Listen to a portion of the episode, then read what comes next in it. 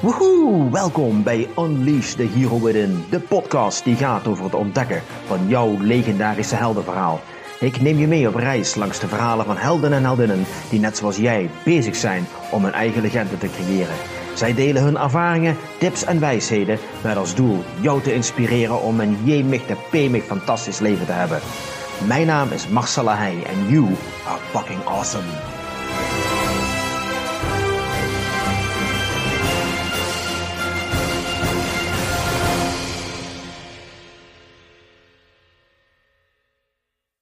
Welkom helden en heldinnen. Ik heb weer een hele bijzondere en spectaculaire podcast voor je deze keer. Want vandaag praat ik met Bob Tissen. En Bob is een urban explorer. En misschien vraag je je af, wat is nou een urban explorer? En hoe de fuck is Bob Tissen? Nou, in dat geval heb ik ontzettend goed nieuws voor je, want na deze podcast heb ik jouw leven verrijkt met ongelooflijk spannende en spectaculaire verhalen van deze reiziger, avonturier en schatgaver. Ik ga je namelijk meenemen naar plaatsen waar jij het bestaan niet vanaf meet en waar je gegarandeerd nooit zult komen. That sounds pretty fucking awesome, hè? Want Bob die haalt regelmatig het nieuws met zijn avonturen en zijn werk is te bewonderen op diverse internationale radio- en tv-zenders, waaronder Discovery en National Geographic. Daarnaast reist hij de wereld rond voor Apple en heeft hij inmiddels meer dan 80 landen bezocht om de schoonheid van verval vast te leggen. Dus buckle up, want het gaat een hele bijzondere uitzending worden. Bob, welkom in deze bijzondere podcast-uitzending van Unleash the Hero Within. Ja, dankjewel. Ja, nou echt fijn dat je tijd uh, voor ons vrij maakt om met jou uh, om te komen praten over jouw avonturen. Ik heb je natuurlijk een paar weken geleden gezien uh, tijdens een lezing en nou, in mijn ogen ben je een absolute superheld. Want urban exploring, ja, ik kon de term nog niet. Ik kon me er wel iets bij voorstellen, maar ja, toen jij daar inspirerend en enthousiast over verteld hebt, was het me allemaal duidelijk. Ik kan me voorstellen dat mensen zeggen, what the fuck is urban exploring? Kun je daar wat meer over vertellen? Nou, bij urban exploring ga je op zoek naar mooie verlaten gebouwen. Dat kan van alles zijn, kastelen, fabrieken, kerken, noem maar op. Mm -hmm. Vervolgens ga je er naartoe en probeer je zonder iets kapot te maken, probeer daar binnen te komen om vervolgens daar foto's te maken. Mm -hmm. En de gouden regel is, uh, leave, oh, take nothing but pictures, leave nothing but footprints. Ja. Dus je maakt eigenlijk niks kapot en je probeert ook niks mee te nemen, want dan ben je gewoon een dief eigenlijk. Ja, ja. ja. Oké, okay, nou, dan kan ik me voorstellen dat sommige mensen denken, oké, okay, verlaten gebouwen, ja, een of andere verlaten boerderij, maak een paar foto's. Oké, okay, sounds pretty fucking boring. Maar dat is niet het urban exploring wat jij doet. Nee, nee, nee. Ik ga echt wel... Ik ben next level. Dus uh, ja, je kunt je niet voorstellen. Echt uh, kastelen die misschien al 60 jaar leeg staan, maar echt alles nog staat. Waar die juwelen zelfs nog liggen. Um, alles is nog... Alles ligt er nog. Het zijn gewoon musea zonder mensen. Uh -huh. En uh, het enige verschil is dat er dan geen paden zijn. Er zijn geen regels. En je kunt overal inkijken, inneuzen. Dus het is eigenlijk, ja... Museum 2.0. Museum 2.0. Ja. ja, ja, ja. En je bent als enige daar, dus dat is natuurlijk ook uh, heel anders om daar rond te lopen. En ook het avontuur, het avontuur daar naartoe en om te winnen te komen is natuurlijk ook al een extra. Ja, nou laten we eens hebben over het avontuur inderdaad. Van een, een kasteel. Ik bedoel, het klinkt natuurlijk hartstikke gaaf. Een mooi oud kasteel waar alle meubels nog staan. Juwelen staan er zelfs nog. En je hebt foto's laten zien dat jouw fantastische fotoboeken. Die trouwens te koop zijn. Ik zal de link nog eventjes eronder zetten straks. Fantastische foto's. Uh, maar het gaat natuurlijk veel verder dan alleen een kasteel. Want ja, je hebt ook hele bijzondere plaatsen bij je binnen geweest. Wat echt zwaar off-limit is. Wat zwaar bewaakt wordt. Waar mensen echt niet mogen komen. Um, Fukushima ben je geweest. Ja. Je bent bij uh, militaire legerbasis geweest in Rusland. Ik heb een foto van jou gezien waarop je uh, op, een, op, een, space shuttle staat. Ja, dat zijn natuurlijk niet de standaard uh, vakantiekiekjes waar de meeste mensen terechtkomen. Um, noem eens een paar van jouw highlights op, van jouw avontuurlijke reizen. Nou, je hebt eigenlijk al twee genoemd. Fukushima was echt ja, onwerkelijk om daar rond te lopen. Daar is eigenlijk iedereen plots vertrokken. En ze wisten ook niet dat ze niet meer terug kon, zouden komen komen. Dus ze hebben eigenlijk alles laten liggen. Zelfs de deur niet op slot gedaan. En vervolgens is er een kernramp en is eigenlijk nooit meer, teruggekeerd. En alles is daar blijven liggen. Ik denk in elk ander land dan in Japan zouden winkels leeggeroofd zijn. Alles is blijven liggen. Het is gewoon absurd. Er zijn juwelierszaken, er zijn uh, ja, elektronica winkels. Alles wat je kan voorstellen staat leeg en alles is gewoon achtergelaten hoe het dan 7, 8 jaar geleden is achtergelaten. Dat was al absurd. En een ander mooi project was ook die space shuttles inderdaad. Die lagen op actief Russisch militair terrein. Dus de meeste denken, mensen, mensen denken van oké, laat maar zitten. Maar dat zijn juist de uitdagingen voor mij. En dan gaan eigenlijk ook al mandjes vooraf aan planning en research. Ja, want hoe hoe vind jij die bijzondere plaatsen? Want ik kan me voorstellen hoe bijzonderder en unieker de plaats is, hoe groter de uitdaging is om daar binnen te komen. Ik bedoel, zo'n militaire basis in Rusland waar een space shuttle staat, ja, die staat niet ergens online van hoi, hier zijn wij, kom eens lekker langs. Ja, nee, dat klopt. Ja, dat is een heel lang proces en daar komen ook heel veel tegenslagen bij kijken. Ehm, ik ben, de beste plekken staan niet aangegeven als abandoned. Dat zijn natuurlijk al plekken wat mensen kennen. Mhm. Ehm, een voorbeeld is bijvoorbeeld een kastelen in Frankrijk. Nou ja, daar staat niet eventjes dit kasteel is verlaten. Want iedereen, ja, niemand wil pottenkijkers natuurlijk. Dus eh, ja, bijvoorbeeld inventarislijsten van kastelen. Dat, misschien 15.000 of zo staan er in Frankrijk op zijn inventarislijst. En die ben ik eigenlijk stuk voor stuk ben ik die gaan nalopen. Ben ik foto's gaan kijken. We proberen recente foto's te zoeken. Heb ik gekeken, oké, kan dit verlaten zijn? En dan heb je natuurlijk allemaal makkelijke tools, dankzij de, hè, die huidige technologieën met Google Earth. Dan kan ik van bovenaf kijken, is het verlaten of niet? Dus je kunt ook te- terug in de tijd. En dan kun je bijvoorbeeld zien, tien jaar geleden was er een heel mooie oprijlaan. Mhm. Maar in de afgelopen tien jaar is er eigenlijk bijna geen onderhoud meer gedaan. En is dat oprijpad, oprijlaan, is verdwenen. En dan groeit alleen maar gras en struiken. Mhm. Dus het kasteel staat plotseling in een veld. Dus dan heb je de kans dat zoiets verlaten is. Oké. En dat is een, hele vermoeiende, een heel vermoeiend proces.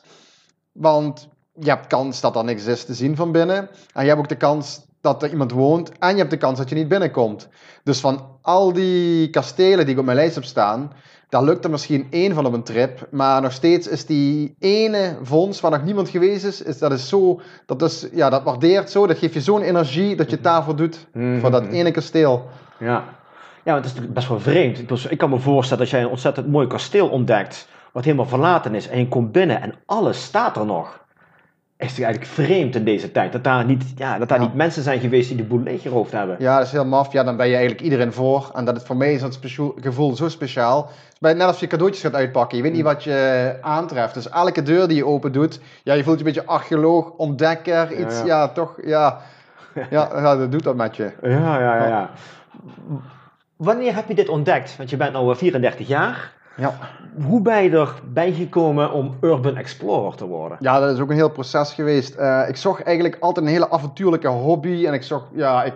Vroeger teken ik bijvoorbeeld allemaal stripverhalen. Ik, mocht mijn, ja, ik moest heel veel huiswerk maken met mijn ouders. Dus ik zat eigenlijk bijna opgesloten in mijn kamer.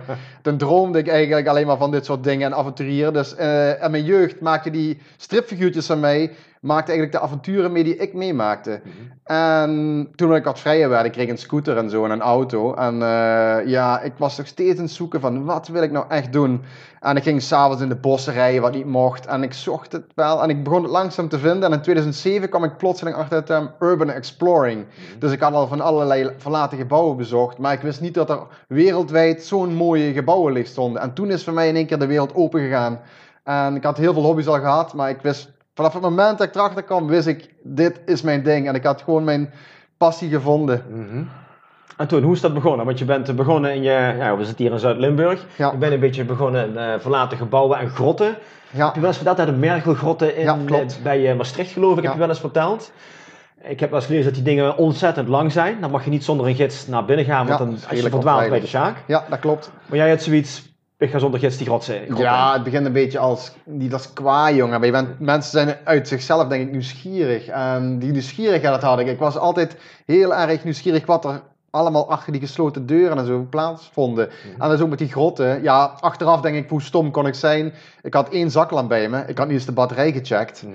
Dus dat is ja, regel 1. Hè? Dus ja, check de batterij die, want als je daar zonder licht komt te zitten, zit je gewoon vast. Mhm. En de tweede, ik was ook de weg niet. En dan heb ik net zoals eh, Hans en Grietje, had ik gewoon een, eh, mijn sweater, had ik gewoon wat zakken in. En daar had ik gewoon blaadjes meegenomen. En dan liet ik gewoon eigenlijk blaadjes achter. In de hoop dat ik nog de weg zou terugvinden. Jeetjes, hè? Ja, dus dat is eigenlijk niet onbezonnen, maar het was ja, hoe iedereen begint, denk ik. Ja, gewoon ja. nieuwsgierigheid. Mhm. Ik maakte in het begin ook geen foto's. Ik ben pas foto's gaan maken toen mensen mijn verhalen niet geloofden. Mhm. Dus eh, ik had de mooiste avonturen, maakte ik mee. Dat waren voor mij toen avonturen, zelfs de meest saaie gebouwen. Maar vrienden Mhm. zeiden, ja jongen, eh, we geloven je niet. Dus daarom ben ik ook foto's gaan maken. Mhm. Was puur om bewijs en ja, voor mezelf om als leuke herinnering om te houden. Mhm. Wat was een van jouw eh, eerste avonturen, zeg maar, waar je foto's van bent gaan maken? Want vrienden geloven je niet, zei je. Ja. Dus toen zei je, goddammit, ik ga foto's maken. Dan kan ik me voorstellen, als je komt met een foto van een verlaten boerderij, dat iedereen zegt, who cares? Maar wat was een van de eerste dingen waardoor je wist van, hé, hey, ik heb toch wel iets bijzonders te pakken hier? Eh, ja, dat was eigenlijk meteen al de eerste plek waar ik naartoe ging sinds ik achter de term urban exploring kwam. En dat was een oud klooster. Daar hebben ook de nazi's gezeten. Hebben een gruwelijke historie. Ik denk dat er zelfs 44 kinderen vermoord zijn. Het waren gigantische panden, dus ik bezocht normaal kleine huisjes. Mhm. Maar dit was eigenlijk een enorm complex met kerk eraan. En achteraf was het ook niet zo heel spannend. Maar voor mij was het gewoon zo spannend dat- of zo cool om zo'n grote ruimte te zien. Mhm. En zo'n grote gebouw dat leeg stond. Een hele kerk dat leeg stond. Mhm. Dus dat was wel... eh, Oké, maar dat was, dat was in Duitsland? Was dat was in Duitsland eigenlijk, net over de grens. Ja. Oké. Ook heel veel spannende dingen meegemaakt. Achteraf bleek daar een of andere hennenplantage te zijn. Dus we begonnen net, moet je je voorstellen. Mhm. ehm, ja, als eind, eind tienerjaren. En plots zie je daar ook twee kerels met een geweer lopen. Ja, dat was een enorme adrenaline kick. En Oh, ja. achteraf waren dat was dat wel een enorm, ja, nou, natuurlijk weer een sterk verhaal. Aha. Ehm, maar dat was meteen spannend. Je maakt meteen dingen mee. En dat is het leuke van urban exploring. Je weet nooit wat je gaat meemaken. Nee, nee, want je kunt wel van tevoren je huiswerk doen en denken van, nou, dat gebouw kon wel eens leeg staan. Maar als je daar komt, dan, eh, wat je, wat je meestal meemaakt, is dat er sprake is van bewaking. Ja, ja, ja. Want klopt. ja, een verlaten militaire basis, dat is leuk, maar hij is dus niet zo verlaten Nee. dat er geen bewaking is. Ja, ik zoek juist de mooie dingen, ook zonder vandalisten. En Hmm. ja, dus al de plekken die makkelijk toegankelijk zijn, dat zijn plekken waar vaak heel snel graffiti eh in komt en ook waar snel spullen gestolen worden. Dus de mooiste plekken, daar komt normaal inderdaad heel veel bij kijken om naar binnen te gaan. Mhm, Ja. mhm. Wat is jouw grootste uitdaging geweest om bij ergens op een unieke plaats binnen te komen? ja, dat is toch wel die, weer met die space shuttles. Dat is een Russisch actief militair terrein. Ja, ik heb zelfs tegen mijn familie moeten zeggen van ik weet niet of ik thuis kom. Dus dat is redelijk heftig. Maar ze wisten dat ze mij niet konden tegenhouden. Want ik had gewoon die drang om daar naartoe te gaan. Dus ik heb eigenlijk maanden voorbereiding gedaan. Dus je moet je voorstellen, het is een enorm terrein. Mhm, Daar gaan nog steeds raketten worden, nog steeds eh, ruimte in geschoten. Dus er zijn heel veel actieve gebouwen. mhm, Dus die ben ik beginnen allemaal te documenteren mhm, op een map. Dus daar heb ik allemaal rode puntjes gemaakt. mhm. En op het laatste heb je dan een map. En dan zie je eigenlijk waar de minste actieve gebouwen zijn. En daar heb ik, ben ik een soort van looproute beginnen te maken. Unbelievable. Ja, dat was echt eh, ja, monnikenwerk om het zo maar te Dus noemen. op, op Google Earth kun je alle militaire bases kun je gewoon terugvinden. Ja, ja, ja, ja, deze is inderdaad niet geblurred. Dat is ook wel een voordeel van mij. Want als het geblurred is, weet je ook niet waar je naartoe moet lopen.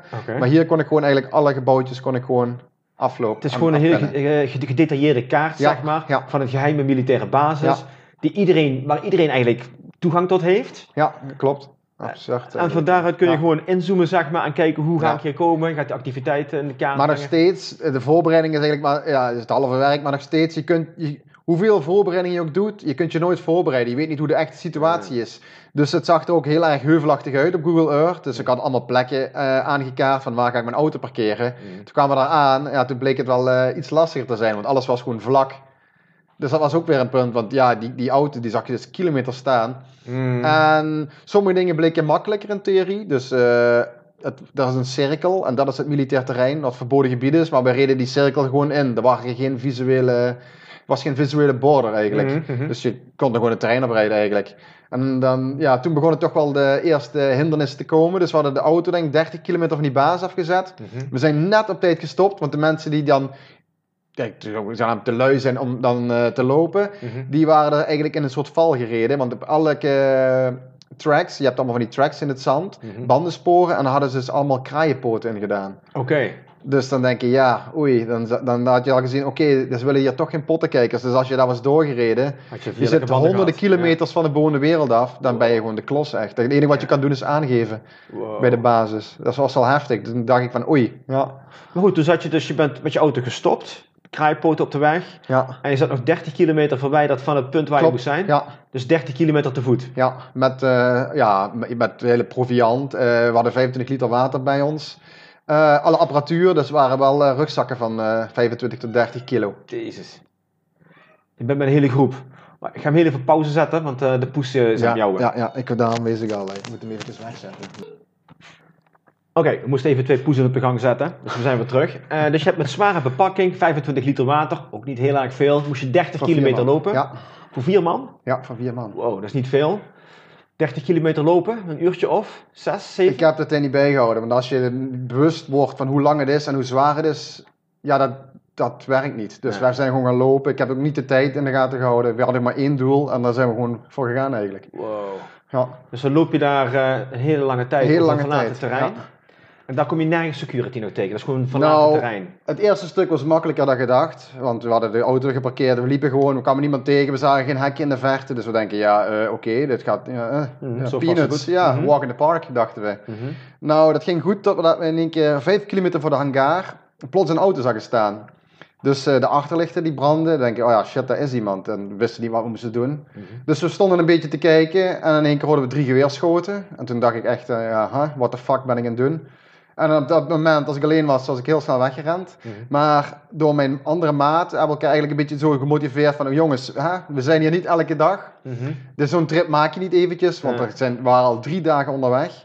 Dus het was, en we hadden ook wel een heel stuk gelopen. We hadden geen zin om om te draaien. Dus we hebben elkaar gewoon gemotiveerd om door te gaan. Dus we zijn op de grond gaan liggen. Mhm. is gelukkig niks, niks gebeurd. Ik weet ook totaal niet waar die schoten vandaan kwamen. Ik Mhm. weet niet of het een dronken rust was of dat iemand ons gezien heeft. Maar. Dat is steeds een raadsel. We zijn dus op de grond gaan liggen. Gewacht tot het een beetje schemering werd. En toen zijn we eigenlijk gewoon doorgegaan. Mhm. En het werd beloond. Dus we kwamen ondertussen, die laatste vijf kilometer waren wel de zwaarste. Er kwamen allemaal hindernissen. Ehm, ja, er waren gebouwen gesloopt waar we overheen moesten. Er kwamen overal hekken, prikkeldraad. Dus daar moesten we allemaal tussendoor. Jeez. En ja, natuurlijk wel heel spannend. Maar toen we daar eenmaal binnenkwamen en we schijnen met die zaklampen op die space shuttles. Ja, dat is gewoon een on, ja, onbeschrijfelijk gevoel. Dat was gewoon, daar heb je het gewoon voor gedaan. Al die energie en al die eh, adrenaline die komt in één keer helemaal los als je daar in die eh, hal staat. Dat is echt, eh, Ja. Sta je midden in de nacht sta je ineens in een hal. ja. In die hal zelf, daar zit geen beveiliging of alarm op. Ehm, nee, toevallig niet. Dus ze patrouilleren daar wel door. Mhm. Ook gewapende militairen. Dus we zijn eigenlijk, omdat we niet te veel wilden schijnen met het licht, we wisten ook helemaal niet hoe het zat daar. Dus met bewaking en zo, ja, we wisten het niet. Dus we zijn meteen naar boven gegaan. We hebben het bewaard tot de dag daarna om ze echt goed te bekijken. En we gaan gaan slapen daar. Ja, ja dat is natuurlijk geen hotel in de buurt, dus eh, we hebben weer matjes meegenomen. Uh-huh. En ja, proberen te slapen. Maar ja, bij elk geluidje, je, hebt, je staat zo vol met spanning dat elk geluidje kan wel eens iemand zijn. Dus je bent zo actief bezig met alles dat ik een oog heb dichtgedaan. En je ligt natuurlijk de hele tijd met een half oog toch in het donker naar die space shuttles te kijken. Mhm. Ja, en als je dan, ja, als het dan licht wordt en je hoort die duiven en je ziet die space shuttles staan, dat was ook wel eh, weer een prachtig momentje. Maar ja, je moet natuurlijk niet te veel gaan genieten. Je moet natuurlijk alert blijven. Mhm. We zitten op een actieve basis. Dus we hebben dan met z'n eh, vieren afgesproken om teams van twee te maken. Mhm. Dus twee man zijn op het dak gaan zitten. En die hebben eigenlijk alle activiteit in de gaten gehouden. Want er was heel veel activiteit omheen. Eh, we kwamen er ook achter dat er mensen patrouilleerden in die hangar. Dus we hadden walkie-talkies. En eh, ja, ze hebben eigenlijk al eh, een paar uur verstopt gezeten eigenlijk. Omdat er te veel activiteit in en rondom het gebouw was. Mhm. En toen, op een gegeven moment, je wil toch die space shuttle in, je wil Ja, toch wat klopt. foto's maken. Ja, ja, ja. Ja, dat, ja, soms moet je gewoon het risico nemen. Hè. Dus als het even rustig was, dan moesten we toch eventjes naar de begane grond, waar ze dan ook liepen. Mhm. Ze hebben die space shuttle ingekropen en dan zaten we weer eventjes veilig. Dus eh, Mhm. daar hebben we ook in verstopt gezeten, dat er weer iemand was. Maar ja, het is geen straf om een paar uur in een space shuttle eh, verstopt te zitten. dus, eh, Jezus. daar heb je ook wel genoeg eh, te zien inderdaad. Ja. Het was Ja. heel onmerkelijk, want het is eigenlijk een jongensdroom. Ja. En ja, in die jaren dat je opgroeit, 60, 70, 80, 90. In die jaren was de Space Shuttle was eigenlijk de, eh, het hoogtepunt van de technologie, denk ik wel. Hè? Ja. Dus iedereen had vroeger Shuttles op de kamer hangen en Ja, tekenen ja, die dingen. En ja, en als je dan eindelijk in zo'n zit en, en het ziet zo'n echte, dat is gewoon eh, ja, echt cool. Ja, dat is Ja, wel dat is echt een droom. Ja, dat geloof ik. En dan, dan besluit je, nou, we zijn klaar hier, we moeten weer, we gaan weer terug. Ja, nou, dat was, dat was een heel apart eh, verhaal. Ah. Ja, je zei net 25 liter water is niet veel. We hadden twee van die hele grote Denen en die hadden al klaargekregen om in één dag 20 liter water op te maken met z'n tweeën al.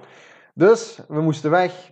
Maar ik had nog één goal. Dus je hebt een eh, hangar waar space shuttles staan. Mhm. Maar ik denk 800 meter verder staat nog een andere hangar. En daar staat een hele grote raket waar die space shuttle op stond. En ik, heb, en ik had ja, tegen mezelf gezegd van ik wil die zien. Dus ik heb dat gezegd, ik ga niet weg voordat ik dat ding heb gezien. En eh, de avond begon al langzaam te vallen. Dus eh, ja, we moesten vaart maken. Dus hadden we ook besloten, het is veel te risicovol. We zijn op het dak gaan kijken. Ja, daar liepen dus militairen en er waren ook werknemers bezig. Die waren aan het spoor bezig en die, ja, die reden gewoon rond daar. Mhm. Dus dat was bijna zoals in een James Bond film. Dus eh, we kregen een walkie-talkie mee. Twee mannen gingen op het dak zitten. En die hebben ons een beetje naar het gebouw geleid. En die hebben echt gezegd, oké, daar komt iemand om twee uur op verstoppen. Ja. En het was een hele obstakels, obstakel, obstakel. Uiteindelijk komen we daar. Waren we binnen. En ik denk, yes, ik heb hem gezien. Ja, dat is natuurlijk het allerbelangrijkste. Ik heb hem mijn eigen ogen gezien. Mhm. Toen wilde ik hem documenteren, dus ik had een camera bij me. Toen waren plots alle SD-kaartjes kapot van mij. Dus ik weet niet wat er gebeurd is, maar dan riskeer je je leven. En dan ben je gewoon in één keer, ja, je kunt geen foto's maken. Dus ik heb nog één met mijn iPhone gemaakt. dat is mijn enige, ja, mijn enige wat ik heb. ja. Ja. enige souvenir. Toen weer terug in het donker, dat was iets makkelijker. Ja, en toen zijn we eigenlijk eh, één dag eerder moeten vertrekken dan we gepland hadden. Dat was een enorme tegenslag, want we hadden natuurlijk al 30 kilometer gelopen. Ik had ook mijn eh, stappenteller bij me. Had ik al gezien dat we die dag ook al 10 kilometer in die hangar hadden gelopen. En dan moesten we nog eens een keer 30 kilometer teruglopen. Dat was een hele vermoeiende dag. En de terugweg op de heenweg, dat merk je niet zo, want je zit vol met passie om dat ding te zien. Maar de Mm. terugweg is een heel ander verhaal. Mm. Dat is ook een heel stuk vermoeiender. Mhm. Omdat je al, ja, je hebt natuurlijk al bijna drie nachten had ik niet geslapen, geloof ik. En ja, het doel is al bereikt. Dat was een stuk zwaarder, eh, die terugweg, kan ik je vertellen. En ja, gelukkig is alles goed gegaan. We hebben wel auto's zien rondrijden in het donker, maar we zijn inderdaad, eh, ja, we zijn weggekomen zonder gezien te worden. Jeetje man. Ja. En helemaal uitgeput bij de auto aangekomen, meteen de, de tent opgezet. En dan zijn we volgens mij wel eh 12 uur aan het blijven liggen, geloof ik. Wow. Ja. Hoe, hoe, hoe is je de weg terug? Had je een Ja, ik heb, ik heb eh, met Google Maps heb ik wel allemaal paden gezet. Oh, het, is, zo, ja. het is een woestijn, er zijn geen paden, het is heel moeilijk. Ook die off-road, ik heb eigenlijk constant met Google Maps heb ik pinnetjes gezet. En ja, dan hoop je dat, toch dat de telefoon niet helemaal uh, leeg Ja, gaat en ja. dat eh, ja, alles nog werkt. Maar zo hebben we eigenlijk een beetje zo genavigeerd. Ja, ja, ja. Wauw, heftig avontuur. Ja. Militaire basis in Rusland. Hey, Fukushima, we hebben het er net al even kort over gehad. Aha. Wat deed jou besluiten dat je Fukushima wilde zien? Ja, als Urban Explorer trok me dat, omdat het wel puur post-apocalyptisch was. En ik ging altijd eigenlijk puur voor het avontuur en voor de foto's. Maar hier vond ik het ook heel belangrijk om een stuk historie te documenteren. Want ik denk, met toestemming krijgt niemand toestemming in die zone. Mhm. En als iedereen zich aan de regels zou houden, zouden er eigenlijk nooit foto's gemaakt zijn. En een- dan zou een stuk historie, voor, ja, voor mijn beleving, zou een stuk zeker. historie weg zijn. Mhm. En ik vond het heel belangrijk om dat verboden stuk, wat verboden was voor iedereen, om dat te documenteren en naar de buitenwereld te brengen. Want Fukushima is heel vaak in het nieuws geweest, maar niemand krijgt de foto's te zien hoe het achter is gelaten. Dus Mhm. je hoort wel van er is straling neergevallen, maar niemand krijgt de foto's te zien. En ik vind de foto's, ja, dat, dat, één foto spreekt meer dan duizend woorden natuurlijk. Absoluut. Ja, Maar het is ook gevaarlijk om daar rond te lopen. Ja, er is toch straling en alles. ja, ja. Je hebt niet zoiets van, nou fuck it, eh, stralingsgevaar. ehm, Ja, natuurlijk, ik heb het risico genomen. Ik heb ook wel, eh, denk ik, redelijk wat schade opgelopen. Maar ik leef hiervoor. Dus ik heb het genoegen, neem ik ermee als ik tien jaar korter zou leven door dit avontuur. Dat is Ja? gewoon iets, ja, ja, ja. Maar dat is ook natuurlijk lastig. Ik heb wel onderzoek natuurlijk gedaan. Ik heb heel veel onderzoek naar radiatie gegaan. En het enige gevaar is eigenlijk als je het inademt. Dat gevaar heb ik natuurlijk ook opgelopen, want Ja, je moet ook dat is heel veel... Ja, je moet ademen, maar je hebt natuurlijk gasmaskers. Maar ja, als je als een toerist met een gasmasker gaat lopen, dan weet de politie al meteen hoe laat het is. Dus we Ja. konden het niet altijd opzetten, helaas. Oké, maar Fukushima, is, is dat helemaal verlaten? Of wordt dat, is, dat, is dat afgezet terrein? Is dat bewaking? Ja, dat is een heel apart verhaal. Je hebt drie verschillende zones. Je hebt een groene zone, dat is zogenaamd vrijgemaakt van radiatie. Maar ja, vrij van radiatie natuurlijk nooit. Ook de Mhm. bossen bijvoorbeeld. Bossen zijn heilig, dus ze kappen die bomen niet. En bomen die absorberen radiatie. Dus als je één keer een soort van vuur hebt of een bosbrand, dan heb je weer een nieuwe radioactieve ramp. Ja. Maar goed, dat is dan de groene zone. Dan heb je ook nog een oranje zone. Daar mogen bewoners terug overdag om iets te halen. Soms, Ja. hebben dan, soms twee keer per jaar mogen ze dan terug naar huis om wat dierbare spullen te halen. En de rode zone die is dan zo besmet dat er eigenlijk niemand mag komen. Maar ik dacht dat gaat makkelijk zijn, die rode zone. Daar komt niemand. Maar het integendeel bleek waar. Eh, daar breedt heel veel politie en ook heel veel sloopwerkzaamheden en renovatiewerkzaamheden zijn daar bezig. Oké. Dus dat, was een, ja, dat zijn allemaal tegenvallers die je pas weet als je daar zelf rondloopt. Mhm. Dus de rode zone zijn ze wel aan het opruimen, zeg maar. Ja, Maar er is nog een gigantisch groot gedeelte in die rode zone waar nog alles staat. Hè? Zoals je net zei, alles is klopt. achtergelaten, alle winkels met alle spullen erin, hè, de juweliers met de horloges. Maar Ja, we, goed, wist- ja. we, ja, we wisten niks. Dus we, ook heel veel, we gingen dus de eerste dagen hebben we dus gefocust van oké, ehm, hoe, wat zijn de patrouilles? Hoe snel houdt de politie je aan? Ehm, hoe kom je die zone makkelijk in? Want dat lijkt heel makkelijk, maar je kunt eigenlijk nergens je auto kwijt. Dus dat was een heel goed punt. Waar laat ik mijn auto achter? Maar een, een auto die is achtergelaten. Dan betekent dat men ergens rondloopt. Ja. Dus we hadden al de eerste nacht dat we aankwamen, gingen we gewoon testen. Dus er was één weg in de rode zone, die was open. Want ja, Noord en Zuid moeten natuurlijk ja, verbonden blijven, want anders heb je enorme eh, ontstoppingen krijg je dan. Mhm, mhm. Dus die ging ik parkeren. En ja, binnen vijf minuten werden we aangehouden door de politie.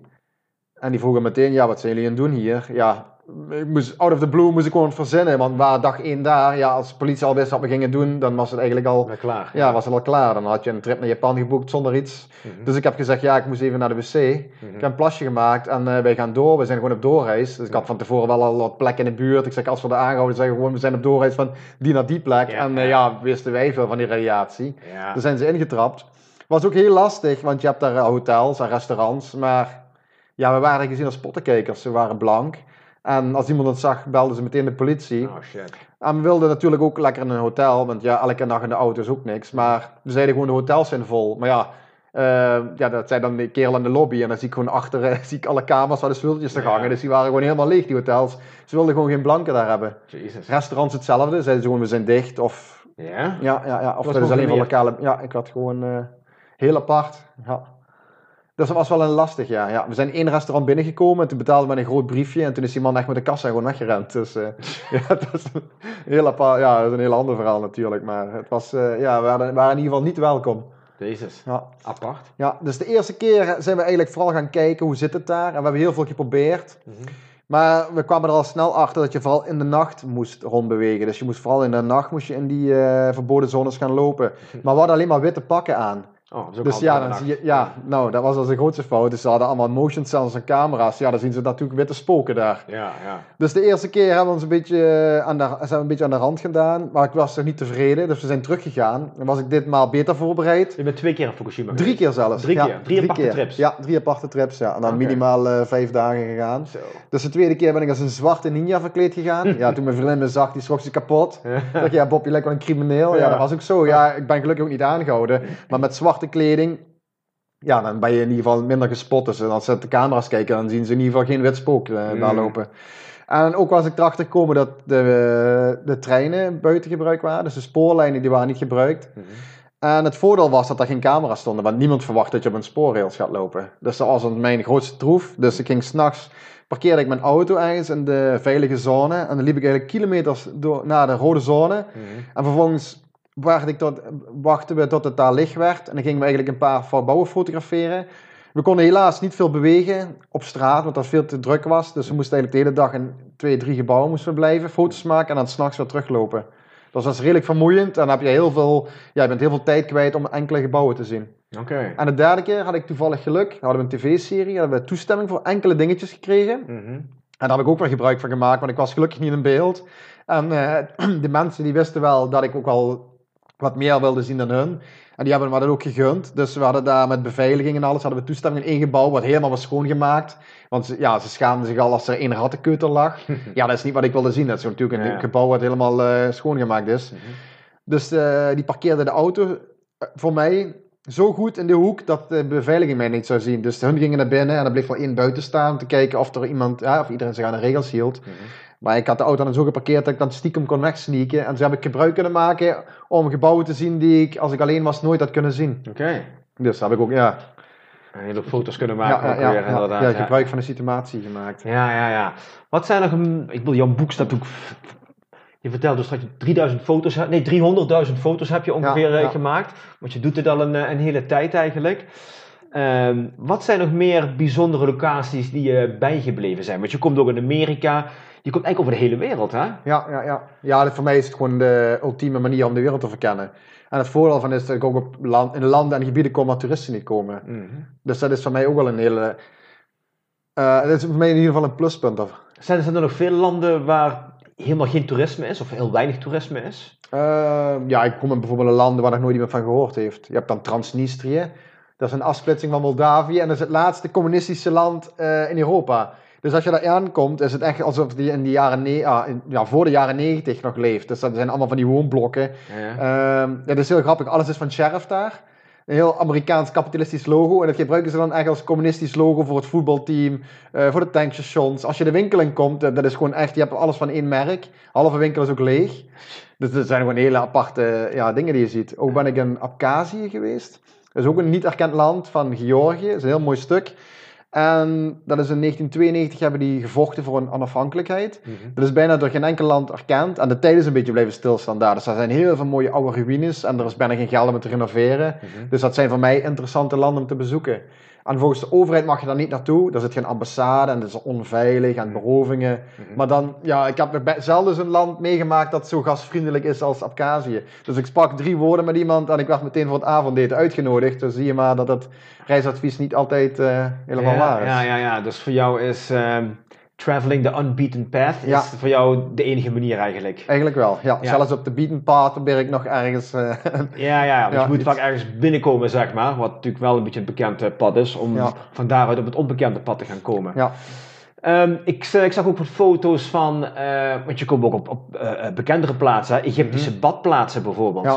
Dat je daar hele resorts, goede resorts, redelijk moderne resorts, helemaal verlaten, helemaal uitgestorven. En alles staat er nog. ja, heel dingen ja, pretparken, ontzettend veel zelfs, hè? Ook, ja, ja. Wereldwijd. Ja, wereldwijd. Ja. Vooral in Azië en Amerika inderdaad. Ja. Maar dat, die vind je ook gewoon allemaal via, eh, via internet. Ja, nou ja, Tunesië en Egypte, ehm, daar komen ook geen explorers eigenlijk aan. Want normaal zijn het de rijke landen waar je de mooiste plekken vindt. En ik probeer natuurlijk naar plekken te gaan waar niemand komt. En ik had toevallig een artikeltje gezien met het toerisme is gedaald. Dus ik denk, oké, daar ging bij mij een belletje rinkelen van oké, daar zullen wel heel veel resorts leeg staan. Want ja, wie gaat er nu naar Egypte? De- Bijna iedereen gaat nu naar eh, Gran Canaria en Spanje Ja. in plaats van Egypte, omdat het zo gevaarlijk is, tussen haakjes dan. Dus ik ben eigenlijk met Google Earth alweer, ben ik gewoon lege zwembaden gaan zoeken en in één keer kwam ik erachter, jezus, eh, ja, de halve dorp staat leeg hier. Het is gewoon één grote leegloop. Dus ik heb gewoon het risico genomen, die kaarten waren van 2016, dus je weet niet hoe de actuele situatie is. Dus ik moet altijd risico nemen. Het is al heel vaak voorgekomen dat ik zonder foto's terugkom. Maar ja, ik had hier zoveel resorts. Ik denk, ja, dan moeten wel, in ieder geval enkele moeten nog wel leeg staan. Mhm. En toen kwam ik daar en het was eigenlijk ja, een soort van jackpot. Dus eh, dat was absurd. Eh, souvenirwinkels waar nog alle spullen in stonden. Eh, interieur stond er ook heel vaak in. Maar met mijn hobby kom je toch ook vaker achter de tragische kant. Dus je gaat er eigenlijk in voor het perfecte plaatje. Maar als je daar rondloopt, denk je van, ja, wat voor een economische teleurgang is hier gaande, omdat hier het reisadvies hier op negatief is gezet. Dus dat is wel sneu, want de mensen zijn heel vriendelijk. Denken, ja, er zijn hier misschien wel duizenden mensen in één dorp ontslagen, omdat er niemand meer komt. Mm. Dat is ook wel aan de ene kant heel erg tragisch om te zien. Hetzelfde bij Fukushima natuurlijk. Ja, dat is gewoon heel aangrijpend. Wat heeft ehm, de meeste indruk op jou gemaakt? Is dat Fukushima? Ik denk dat dat Fukushima is geweest. Ja, ik ging voor het perfecte plaatje, post-apocalyptische beelden. En dan zie je plots een, eh, ja, een klaslokaaltje hè, van peuter, speelzaal. En dan zie je al die tasjes nog liggen en boterhammen, trommeltjes. Er waren zelfs aquariums. Daar lagen nog lijkjes van vissen in en schildpadden. En dan denk je, ja, dat hebben ze gewoon allemaal, ja, ze zijn gewoon allemaal vertrokken. En dan moet je je voorstellen als kind, dan heb je gewoon, ja, die omgeving is denk ik voor een kind heel belangrijk. Hè, dat je een vast plek- plekje hebt. En plots zijn die allemaal weggerukt. En ze hebben niks meer kunnen meenemen. Moet je je voorstellen dat je al je speelgoed, al je tekeningen, al je foto's, al je herinneringen, die moet je gewoon ergens laten liggen en je moet gewoon een heel nieuw bestaan opbouwen. En het lijkt me als een kind, lijkt me dat toch heel moeilijk. Dus om die klaslocatie, om dat daar te zien, dat was, ja, dat, dat, ja, ja, dus tranen sprongen bijna mijn ogen, om het zo maar eh, zeggen, ja. Ja, Je vertelde hem ook eh, tijdens de lezing, vertelde je het verhaal dat je op een gegeven moment had je iemand die jou als gids een beetje deed begeleiden. Die had ergens gewerkt op een, een of Klopt. andere centrale. Ik weet niet precies wat het verhaal is. Ja, dat was ook een heel apart verhaal. Dat, vond ik ook, dat was ook al heel aangrijpend. Dat was eigenlijk een droom, was een duigen gespat van iemand. Dus was een rijke Japanner. Mhm. En die was fan van Duitsland. Dus die ging gewoon reizen naar Duitsland te maken. Schreef de mooiste gebouwen op. En in de jaren 90 had je de bubbelbel-economie. Dus als je een pretpark opende, ja, dan wist je dat je gewoon miljonair ging worden. Dus er Mhm. werden heel veel pretparken gebouwd. Vandaar dat ook heel veel leeg staan nu. Mhm. En die man liet dus echt één op één kastelen kopiëren bijvoorbeeld. Dus er staat een kasteel in Duitsland, ja, er staat gewoon een exact kopie staat in Japan. Die man was, ja, die was zo gefascineerd door Duitsland dat hij honderdduizenden stenen uit bijvoorbeeld Berlijn liet importeren. Heeft hij zijn park gelegd. Hij heeft gebouwen laten afbreken in Duitsland. Heeft hij weer opgebouwd in Japan. Dus het oudste gebouw van het eiland is gewoon een Duits ge- gebouw, wat daar weer opgebouwd is. Heel absurd. Maar dat park had eigenlijk een hele slechte ligging. Dus dat park, ja, dat heeft waarschijnlijk vijf jaar gelopen. Daarna kwam er meer niemand. Mhm. Toen was het dicht. Dus ik had toevallig, de eerste keer dat ik daar ooit kwam, had ik het toevallig op een website gevonden. Die was al tien jaar niet meer geüpdate. Ik denk, och, laten we daar eens gaan kijken. Ja, dat bleek prachtig gebouwd te zijn. De tijd was daar blijven stilstaan. Dus er was bijvoorbeeld een kantoor. Ja, er waren zelfs kopjes koffie, eh, ongeopende post. eh, de vestjes van de werknemers hingen daar nog. En voor de tweede keer ging ik dus terug voor een tv-serie. En we hadden eigenlijk een, een taxichauffeur. Mhm. Die bracht ons elke dag naar het park en die liep een beetje met ons mee. Maar ja, Japanners blijven altijd heel afstandelijk. Dus je krijgt daar niet echt een gesprek mee. Eh, Ze lachen wel wat naar je, maar daar blijft het ook bij. Ze zijn echt heel formeel. Mhm. En het was een van de laatste dagen en plots begon hij een beetje... Je zag echt dat hij gewoon echt letterlijk te smelten. Dus Mhm. zijn ware gezicht kwam naar buiten. En plotseling eh, vertelde hij tegen ons, en ja, ik heb hier gewerkt vroeger. Ik zo, oh, gewerkt? Eh, bleek hij in die kantoortjes waar ik al eerder foto's had gemaakt, bleek hij gewoon gewerkt te hebben. Dus we liepen met hem mee. En hij begon te huilen, want hij was al 15 jaar niet meer binnen geweest. Mhm. En hij zag daar zijn bril liggen, dus hij deed zijn bril op, helemaal stoffig. Hij was ook niet meer de sterkte. Mhm. En hij zei ook van, ja, je legt gewoon ongeopende post. En ja, hij zei, ik ga ik niet meer openmaken. Ja, dat kan gewoon niet. En toen begon hij een verhaal te vertellen ook. Dus dat zijn verhalen die je normaal niet weet. Mhm. Dus het park was niet alleen dicht door de bezoekersaantallen. Dat was de dag daarvoor, voordat de park sluiten, was er dus een feestje. En daar is iets op gebeurd. Er is iets gebeurd wat ze na 15 jaar nog steeds niet willen vertellen. Mhm. En daardoor is dus niemand van de werknemers komen opdagen de volgende dag. Daarom is dus eigenlijk alles als een tijdscapsule daar blijven staan. Dat is een heel absurd verhaal. En dat was ook heel ja, eh, mooi moment om die man dan zien te huilen. Want dat maakt natuurlijk meerwaarde. Mhm. En ook met zoveel spullen. Daar stond, ik heb giftshops gezien wat nog vol stond met souvenirs. En ik denk, waarom is er niks mee gedaan? Dus ik heb ook de kans gehad om met de eigenaar te praten. En dat vond ik een heel eh, aparte, maar toch een mooie zin aan de ene kant. Ik vroeg, waarom hebben jullie niks met die spullen gedaan? Er staat voor miljoenen spullen staat daar binnen. Jullie kunnen het een armen geven, je kunnen het het goede doel geven. Mhm. En die man zei simpelweg, eh, het park moet een natuurlijke dood sterven. Hm. Dus een beetje zoals een beetje het dode roosje eigenlijk. Ja, en dan denk je van, ja, Ja, ja. heel aparte hoe mensen, hoe verschillende culturen over zo'n soort dingen kunnen nadenken. Ja, ja. Ehm, ik kan me voorstellen dat de verleiding ook wel aanwezig is om spullen mee te nemen. En zeker als je dure sieraden ziet. En nou goed, je vert- vertelde straks van dat is gewoon not done. Eh, maar toch, ik kan me voorstellen dat er een hele hoop andere mensen komen kijken. Die, ja, die die verleiding niet kunnen weerstaan en toch hun zakken doen vullen. Ja, is toch knap dat je dat eh, ja, steeds tegenkomt. Ja, dat is heel knap, ja. Dat is ook de, meestal de eerste vraag die ik kreeg. Van, oh Bob, eh, waarom neem je niks mee? Mhm. Maar als buitenstaander lijkt dat heel makkelijk, maar het is toch heel lastig eigenlijk. Want als je bijvoorbeeld een mooi kasteel hebt, van kasteel moet ik al makkelijk 800 kilometer rijden. Mhm. Dus eh, de kans dat ik onderweg een keer een controle heb, in Frankrijk zijn redelijk veel controles, is redelijk groot. Mhm. En als je dan in één keer een klok van 2 ton in de auto hebt liggen, ja, dan kom je niet meer weg. En ook heb ik heel vaak meegemaakt dat ik dacht dat ik niet gezien was. Mhm. Dus ik ben echt s'nachts naar binnen gegaan. Ik heb niemand gezien. Mhm. Iedereen sliep nog. En ik sta binnen. En een kwartier later plots sta ik onder schot door de politie. Dus je weet het nooit. Dus als, je- als je dan net iets verkeerds doet, of je, hebt een- ja, maak je, ja, je maakt een ingang, je hebt een ruit kapot geslagen, of je bent net aan het stelen. Mhm. En je weet nooit of iemand je gezien heeft. Dus bijvoorbeeld, je, alles kan goed gaan. Je Mhm. neemt spullen mee. Maar de politie heeft je al lang in de smiezen. Een dorpsbewoner heeft bijvoorbeeld eh, een Nederlands kenteken gezien. Ja. De politie kan je al opstaan te wachten. Ja. Zonder dat je het weet. Dus het risico van mij is het helemaal niet waard.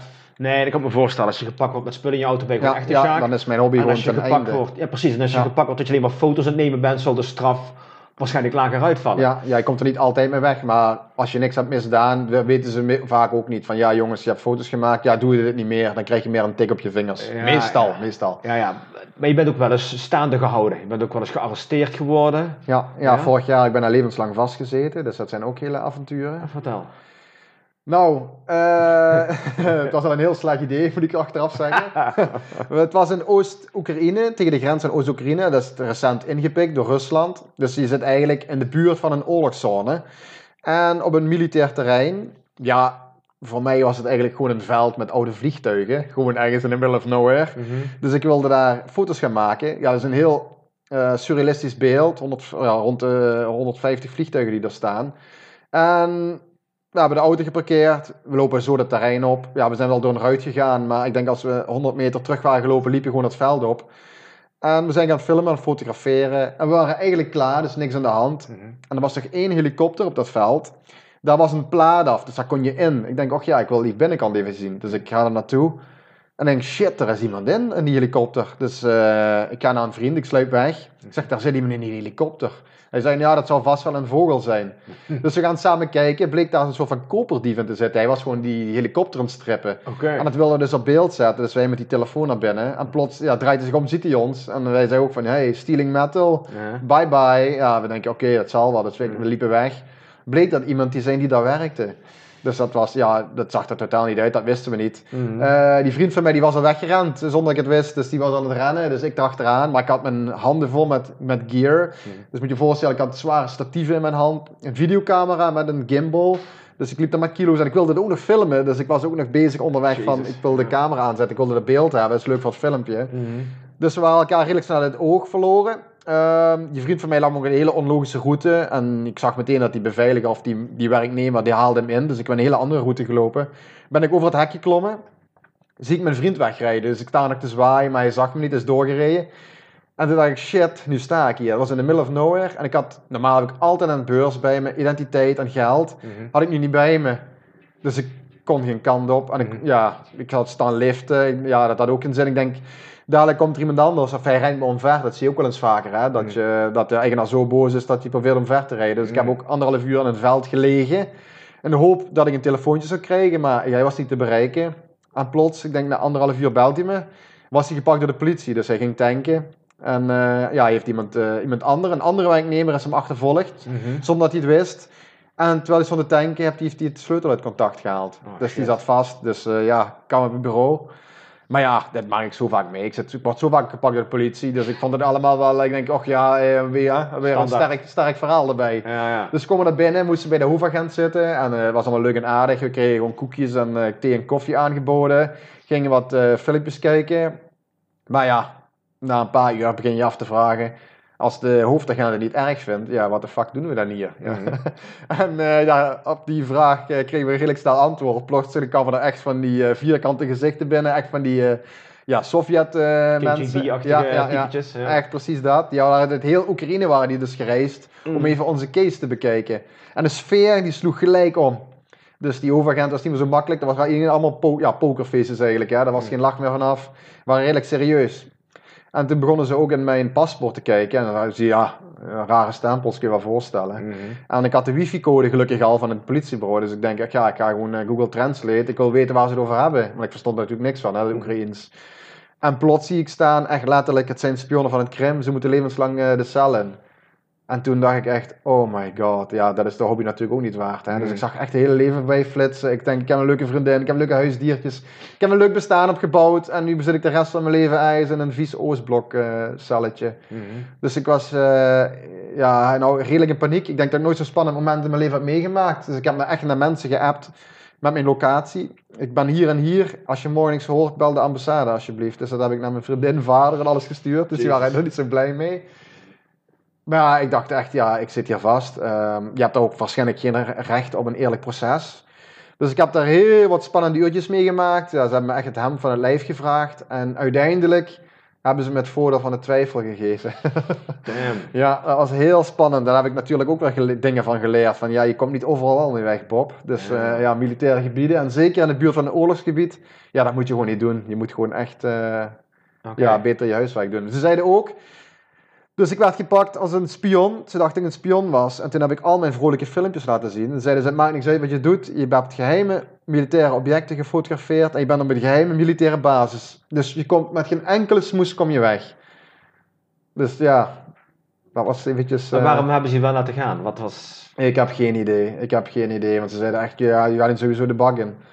En er is wel een tolk bij gekomen. En ja, we hebben heel veel vragen gehad. Dus ik denk dat ze ondertussen wel een beetje hebben door, do- ja, bij ons hebben doorgeprikt dat we toch ehm, echt onwetend Ja, waren. de waarheid spraken. Ja, ja, ja, ja, ja, we waren heel open en we hebben alles laten zien. Mhm. En ik denk op een gegeven moment hebben die, die mannen misschien ook gedacht van ja, ze hebben echt niks kwaads in zich. Ik weet het, ik, ik weet het niet. Het is een wonder dat heel fout kunnen aflopen.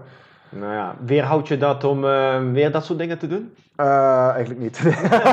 nee, nee, nee, nee. Ik heb er wel een beetje van geleerd. Maar ja, eh, de volgende dag ga je gewoon ja, lekker gewoon rustig verder. Dus eh, ja. Ja, nee, als ik, door elke, als ik door één tegenslag mijn passie moest laten ophouden, ja, dat bestaat gewoon niet. Nee, ik ga door zolang het kan. Zodat ik nog alle ledematen heb en eh, ik loop op vrije voeten, blijf ik dit gewoon stug doorzetten. Ja, ja. Ja, Ik zag op de kaart dat je ook heel vaak in Amerika was geweest. ja klopt. Ehm, wat zijn nou het highlights die je, die je ontdekt hebt? Ehm, ja, is ook weer een heel spannend verhaal. Een duikboot die onder water gelopen was van een museum. Eh, ik heb ik in mijn boek gepubliceerd. En achteraf kwam ik erachter dat er nu 10 jaar celstraf en 150.000 euro boete op staat van mensen die al geweest waren. Dus Wow. dat is ook, ja, daar komen altijd heel veel risico's bij kijken. Was het ook toevallig, dus ik had een museum gevonden, nooit foto's van gezien en dat stond, was sinds 2012 dicht. Dus moet je je voorstellen, sinds 1973 ligt er een oude historische duikboot van de Tweede Wereldoorlog. Maar door een orkaan was de toegangspoort, was een houten ja, steiger, die was dus weg. Dus ik denk, oh ja, dat kan wel eens interessant zijn. Dus ik ben gaan kijken en eh, ja, het was verlaten. Het museum was toen nog open, dat ging toevallig net die week dicht. Dus moet je je voorstellen, het museum was open, maar de highlight van het museum, ja, dat was gewoon al, eh, Niet meer ja, toegankelijk. dat was al niet meer toegankelijk. Was al zes jaar dicht. Dus hebben we daar een eh, plattegrond weten te bemachtigen van die duikboot. Hebben we precies gezien waar alle ingangen waren. Toen ben ik gaan kijken. Dus eh, de rest noemde hem al Crazy Baap. Die denkt, laten die jongen maar gaan. Dus ik ben gaan kijken en ik zeg, kom terug. Ik zeg, ja, ik heb goed nieuws en slecht nieuws. Zeg, het goede nieuws is, we komen binnen. Het slechte nieuws is, er staat minimaal 2 meter water in dat ding. En ik dacht ook al van, ja, dat museum gaat dat niet weten. Ik denk, dat is al heel erg. En eh, ja, dat was ook een heel project. Ehm, steeds s'nachts, overdag word je gezien. Dus ik ben waders gaan kopen. Eh waders, dat is een soort van eh, pak, lieslaarzen eigenlijk. Ja. Want er lag een vieze laag olie. Dus het lag, ja, dat moet je je voorstellen, het was geen gewoon water. Het was echt vies water met allemaal chemicaliën en olie. Ja, daar wil je niet eigenlijk Mhm. Nee. ingaan. Dus eh ik ben lampen gaan kopen, ehm, zo'n pak om niet nat te worden. En toen zijn we eigenlijk duikboot gaan verkennen. Mhm. Ja, ik was de enige die zo gek was om erin te gaan. Dat is gevaarlijk. Want die duikboot is al heel lang dicht en dan ontstaan giftige gassen. Mhm. Dus ik was voor die andere jongens, zoals ik eigenlijk allemaal hatches heet dat. Dus van die luik open het maken. Mhm. Eén keer ben ik zelfs bijna gestikt. Want ik kwam eigenlijk in het bovenste stuk. Daar zit alles slechte lucht natuurlijk verzameld. Dan heb ik net op tijd dat ding kunnen openmaken voor verse lucht. lucht. Ja. Toen hebben we dat, toen hebben we dat hebben die een dag laten openstaan. Dag daarna weer terug. Mhm. Dus hebben we foto's gaan maken. En zo gaat alles goed. En toen heb ik één foto geüpload. Ik denk dat vinden mensen niet. En eh, plotseling zijn er meer mensen na mij geweest. En die, ik weet niet of ze iets gepubliceerd hebben, maar goed. Toen eh, moest het museum plots dicht. En één werknemer, blijkt achteraf, had dus hele dure plakaten gestolen. Die waren dus 10.000 dollar per stuk of zo waard. Mhm. En eh, die werknemer, dat is ook nooit in de krant gekomen dat een werknemer had gedaan. Maar toen dachten ze, shit, misschien hebben ze ook wel eens uit die duikboot gestolen. Mhm. En toen zijn ze in die duikboot gaan kijken en toen zeggen ze, verrek, twee meter water. Mhm. Dat waren ze eigenlijk natuurlijk zelf schuld, want het ligt sinds 1973 in de modder. Ja, je weet, roest, Ja. het gaat roesten. Maar ze wilden natuurlijk een zondebok eh, aanwijzen, want ja, hun betalen aan de marine wat geld en hun zijn er verantwoordelijk voor. Hebben ze gewoon gezegd, van de listen, die hebben dat eh, ding onder water laten lopen. Dat is dus een FBI-klopjacht geweest. Dus in het nieuws gegaan in heel Amerika. En eh, eigenlijk er zijn vijf mensen gepakt. Ik denk iedereen gepakt is buiten mijn groepje. Ja, die riskeren dan die celstraf van 10 jaar en 150.000 euro boete. Dan denk je, holy shit. Denk Ja, dat is ook allemaal niet waar. Maar dat zijn mensen die zijn na jou gekomen. Na die hebben foto's gezien Ja. en die hebben dat Ja, ja. hé, dat is daar en daar. En die zijn naartoe gegaan en die zijn dus de Sjaak. eh, Ja, Oh man, Ja, dat is wel spannend dat je dingen. steeds eh, zonder eh, kleerscheuren vanaf bent gekomen. inderdaad. Ja, ja, ja, ja. Want ik lees vaker eh, achteraf. Alles gaat vaak goed. En dan, lees je, en dan publiceer je iets. Foto's maakt niet zoveel uit. Maar als je een video post hoe je binnenkomt. En als je andere mensen laat zien hoe makkelijk het gaat. Dan kom je wel vaker in de problemen. Bij booreilanden bijvoorbeeld was ik ook een weekend gaan spenderen. Was er nooit iemand geweest. Mhm. Dus sommige van die booreilanden bleken ook maar drie maanden verlaten. Maar mensen laten gewoon alles liggen. Dus soms staat er gewoon een deur open en dan kom je binnen en er ligt daar gewoon geld. Er liggen LCD, LCD-schermen, ehm, chemische materialen ligt daar, dus niet achter slot en grendel. En toen las ik een paar dagen nadat ik die video had geüpload, ook plots op internet, op BBC News, dat er een zoektocht eh, was begonnen en een politieonderzoek gestart was.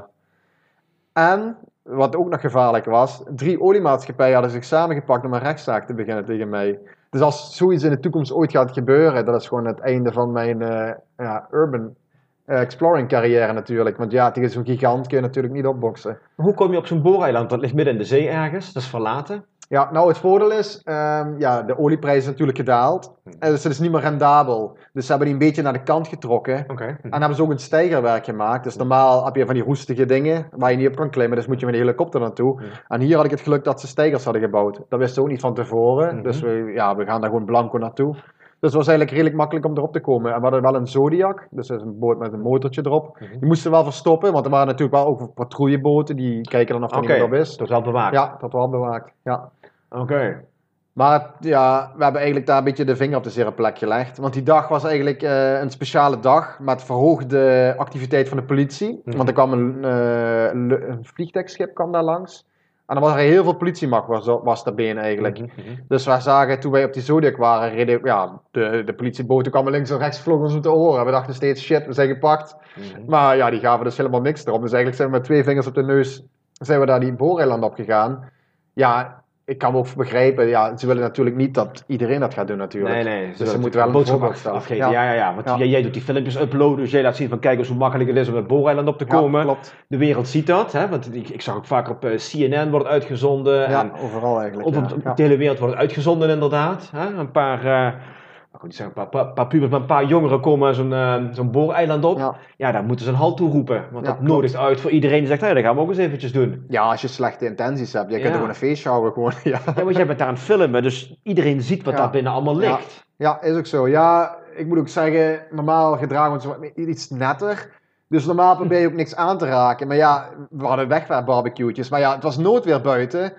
En dan kom je in een gloednieuwe keuken waar nog alle spullen li- ja, liggen. En dan denk je ook van, ja, eh, ja, dan maak je daar gewoon gebruik van. Ja. Dus we hebben ook eigenlijk in die bedden geslapen van die werknemers. Dus we hadden wel matjes bij ons. Maar ja, ik denk, wat ligt lekkerder? Een matje of een, of een lekker bed met een Ja, deken? ja. Dus we zijn er ook in gaan liggen. En we hebben natuurlijk geen helm op en zo. En dat vonden ze ook wel eh, ja, niet zo fijn inderdaad. Ja, ja, want stel je voor, er zou een keer wat gebeuren. Ja, wat dan, hè? Tuurlijk, ja. Stel je voor, er gebeurt een keer een ongeluk, terwijl je er rond een dolen bent. Eh, Daarom bezoek ik wel plekken die wat minder toegankelijk zijn voor eh, de massa. Dus ik hou er wel rekening mee als ik post. Ehm, ik wil niet dat er heel veel copycats krijg. Dus niet tieners met slechte bedoelingen die Ja, een ja. feestje aan een Vlaat kasteel gaan geven. Dus daarom ik mijn plekje geheim. En ik post, publiceer vooral eh, avonturen die wat verder weg liggen. ja, oké, maar goed, als je, een, eh, je hebt een eh, YouTube-kanaal. Ja. Eh, hoe heet het YouTube-kanaal ook alweer? Exploring the Unbeaten Path. Exploring the Ja. Unbeaten Path. Nou, ik Beetje heb een moeilijke naam. Ja, Exploring the Unbeaten Path op YouTube. Je hebt iets van 165.000 eh, abonnees inmiddels, zag ik. Nou, het ene filmpje na het andere. Dus eh, mocht je nog filmpjes willen kijken, nou, check it out. ja. Ehm, ja, dat heb je natuurlijk wel. Hè. Mensen gaan het filmpje zien en die gaan proberen te achterhalen van waar is dat geweest. ja. En ik kan me voorstellen, zeker aan die kastelen waar we het straks over hadden, waar echt alles ligt. Daar ligt voor god nog weten hoeveel geld aan spul.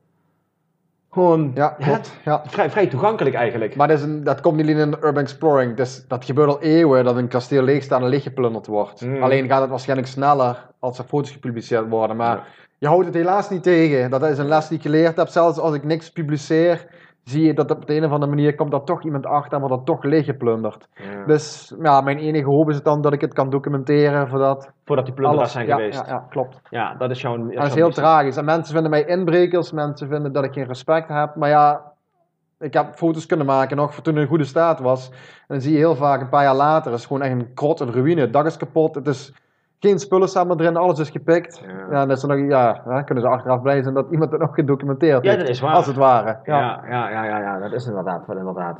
Want dat is het, hè. Je moet de foto's die je maakt, het is allemaal verval, maar het is wel een schoonheid van Ja, verval. klopt. Ja. ja, ik Ja. vind het ook heel speciaal. Het is het verval. Ik vind het heel mooi dat de natuur ook zich mengt. Dus dan krijg je ook dat met de mens, met de natuur. Dat vind ik, ik vind dat een mooie combinatie. En ook textuur op de muur. Dus ik vind een, ja, een witte muur, ik vind het heel saai. Mhm. Maar als je een vervallende muur hebt, dat is iets unieks wat je niet kan namaken. En elke muur ja, is een stukje ja, uniek, uniekheid. Dus, Ja. eh, en dat is zo mooi, vind ik dat. En dat is heel interessant. Dan komt tot leven. Dus je krijgt planten en hè, mos en schimmel. En ja, ik vind dat in ieder geval heel mooi. En het maakt ook natuurlijk mooie plaatjes. Ja, Dus krijgt iets mysterieus spookachtigs. Ja, precies, precies. Ja. En de, de- het lijkt ook wel of de, de natuur het weer aan het overnemen Ja, is. De ja. natuur had het allemaal terug. Ik vind dat een heel mooi gegeven dat de natuur altijd overwint. Ik vind Ja. dat een heel mooi gegeven, want de men, wij mensen maken eigenlijk toch al veel kapot in de wereld. Mhm. Maar als je dan kan laten zien van de natuur is toch zo krachtig. Ik vind dat, ja, ik vind dat een mooi gegeven. Ja, ja, ja, ja, ja.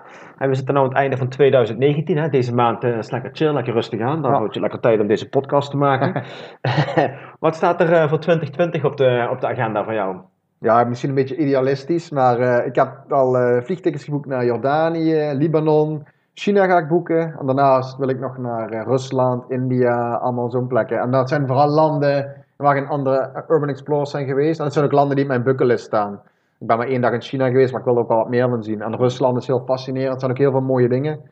Maar dat zijn ook hele aparte projecten. Ehm, ja, daar wil je natuurlijk ook niet gepakt worden hè, in Rusland en zo. Dus eh, ja. Maar heb je in die plaatsen waar je naartoe wilt gaan, heb je ook gekeken naar locaties die je wilt gaan bekijken? Ja. Of is het gewoon, ik vlieg naar Jordanië en als ik daar ben, dan zie ik wel? Of heb je daar echt al Nou, dingetjes ontdekt? Nou, soms, soms dwing ik mezelf, ga ik, soms ga ik heel anders te werk. Dus soms zie ik een goedkoop ticket en dat boek ik. En dan word ik verplicht om te zoeken om een land. Mhm. Dus dat is anderdraait. Normaal zoek ik een leuk gebouw op en vlieg daar naartoe. Mhm. Maar het is ook leuk om eens een keer andersom te werken. Ja, dus soms ja. heb je een goedkoop ticket waar je nog niet geweest bent. denk ik, oké Bob, nou, hè, jij wilt exploren. Dan ga je maar in dit land ga je maar eens wat zoeken. En als je dan doorzet en blijft maar zoeken, zoeken, zoeken. Dan kom je vanzelf wat tegen. En dat is ook vaak waar nog niemand geweest is. Oké. Dus dat is wel leuk. Dus zo doe ik dat soms.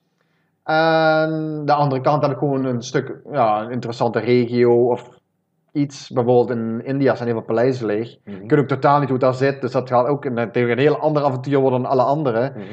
Dus eh, ik ga daar gewoon naartoe. Ik neem het risico en ik zie wel wat ik aantref. Dus het is altijd één groot avontuur eigenlijk van tevoren. Ja. Is het makkelijk om eh, dat soort plekken te vinden? Want er gaat natuurlijk heel wat speurwerk aan vooraf, voordat jij iets vindt. ja, ja, ja, daar gaat heel veel uren aan vooraf. En zeker als je plekken wil doen waar nog niemand geweest is. Het is heel makkelijk tegenwoordig om plekken te zoeken waar mensen geweest zijn. Mhm. Dat is zo'n heel populaire hobby en mensen zetten hele mappen met locaties online. Dus als jij gewoon exploren wilt in, op de gebaande wegen, eigenlijk Mhm. gebouwen waar elk weekend mensen komen, dan is het heel makkelijk. Maar als jij plekken wilt vinden waar bijna niemand komt, dat is een heel ander verhaal, ja. Ja. Dan gaan echt uren en uren, ja, dat, dat, dat ziet men niet natuurlijk, eh, die Nee, filmpjes zien. Maar er gaan heel veel tegenslagen en heel veel eh, wat uren vooraf. Ja. Heel veel speurwerk. Je moet ook creatief, vindingrijk eh, zijn op, Ja. op internet. Ja. Dat is een mooi hulpmiddel. Maar ja, Ja. ja je- het kan je nooit bereid, Mijn- voorbereiden op de nee, situatie te En mijn grootste vijand is tijd. Ja. Dus eh, ik heb allemaal leegstaande gebouwen, maar het kan morgen weg zijn, het kan Ja. morgen gesloopt worden. En je kan niet overal tegelijk op de wereld zijn. Nee. Dus soms heb ik, in, China wil ik al sinds 2013 naartoe of zo, denk ik. Ik ben er wel eventjes één dag geweest, maar dat telt niet. Maar ik had daar heel veel mooie plekken gevonden. En ik denk, nu ga ik eindelijk. En ik ga op die mappen kijken, op Google Earth. En ik ga mijn pinnetjes nalopen. En dan zie ik dat alles al gesloopt is. En er is dus Ah. nooit iemand geweest. En voor mij is dat wel jammer, hè, want dan heb ik zoveel werk besteed aan al die locaties te vinden. En voordat je daar komt, is het weg. En dat is voor mij wel een realiteit die wel vaker voorkomt. Dus ik eh, ja, vlieg soms aan de andere kant van de wereld. Om erachter te komen dat het gebouw al gerenoveerd is. Of het is goed bewaakt. Of, Ja, ja, Ja. het is al weg inderdaad. ja. Ja. Maar ja, Ja. zo leer je wel met tegenslagen natuurlijk omgaan en alles. Ja, dat Dus, is waar, eh, dat is waar. Staat er nog iets op jouw bucketlist? Heb je nog ergens een locatie ontdekt waarvan je zegt van holy shit man, dit wil ik nog echt wel gaan zien? Ja, dat zijn er heel veel, maar ik weet natuurlijk niet wat er te zien is. Nee. Eh, wat heel bekend is, waar ik naartoe wil, is Varosha. Varosha? Varosha, dus in eh, 1974 zijn de Turken plots in Cyprus binnengevallen. En die hebben de helft van het eiland bezet. Mhm. En het Saint-Tropez van Cyprus was eigenlijk Varosha. Dus alle celebrities en zo, die gingen dus naar Varosha om vakantie te vieren. Mhm. En dat is een van de stukken die nog echt verboden is. En die Verboden, ja? Verboden, ja. Dus daar mag eigenlijk niemand komen, daar mag niet gebouwd worden. En de Turken willen dat niet afgeven. Dus er is een bufferzone in die zone in Cyprus. Dat heeft de VN heeft dat, eh, in gebruik. Mhm. Ik heb wel een vliegveld vandaan, maar dat is een heel ander verhaal. Mhm. Maar Varosha is een stad waar nog echt soldaten patrouilleren en waar echt nog mensen, soldaten met snipers op de daken liggen. En niemand weet eigenlijk wat er te zien is. Dus de grote kans is dat ze er alles leeggeplunderd hebben. Maar er is ook nog een kans dat er al pareltjes te vinden zijn. Maar er staan alleen al 110 hotels in Varosha. Oké, Dus het is een enorme spookstad eigenlijk. Langs de kust Het is heel surrealistisch. apart. Ja. Je flauw idee als je gaat zoeken op internet naar informatie over Nee. Varosha dan... Nou ja, daar is wel wat te vinden, maar niet van foto's van in de zone. Nee, nee, maar wel een verhaal van wat daar gebeurd Ja, is. ja, ja, ja. Wat, wat, wat, is daar precies gebeurd? Oké, die, die Dus is, dat is gewoon een conflict geweest en die hebben gewoon het land bezet. En ja, moet je voorstellen, in 1974 is dat gebeurd en die politieke spanningen die zijn er nog al die jaren. Nu, nu is er nog steeds, een, dat ligt heel gevoelig nog steeds. Dus nog steeds dit is echt een tijdscapsule ook. Ja, Een luxe badplaats inderdaad, al bijna 50 jaar niemand geweest is. ja klopt. Dat moet wel heel Ja, bijzonder zijn. een paar jaar de patrouilleren natuurlijk militairen. Maar, Ja, ja, ja. maar voor die- dat project is zo gevaarlijk. En door de Turken wil je ook echt niet opgepakt worden. Dat ik eigenlijk iemand zoek die daar ooit geweest is. Dus die daar gepatrouilleerd in de Mm. straten heeft. Dus Ja, ja. Dat is weer een, Een ja, een vijf, jaar, Ja. vijf jaren plan. Maar ik wil ook niet doodgeschoten worden natuurlijk. Ja, Nee. soms moet je ook risico's calculeren. Nee, natuurlijk. Het is niet eh, je leven waard, Nee. inderdaad. Nee, maar dat is wel een van de holy grails, om het zo te noemen. Ah. Een van mijn, eh, ja, een van mijn topplekken waar ik nog naartoe wil. Is dat ook een beetje een holy grail onder andere urban explorers? Want ik kan me voorstellen dat ook daar een hele eh, ja, groep mensen in zitten. Een, eh, Ehm, ja, dat zijn eigenlijk alle plekken die ik al bezocht heb. Dus, Oké. eh, ja, Oké. zoals Fukushima. Daar heb je ook bijvoorbeeld Battleship Island, dat heb ik ook al verteld. Dat is ook een heel apart verhaal. Dat is gewoon een eiland in Japan. Mhm. Ehm, holy grails, ja, dat zijn er redelijk wat. Maar ik heb ze bijna allemaal bezocht eigenlijk. al. Oké, Ja.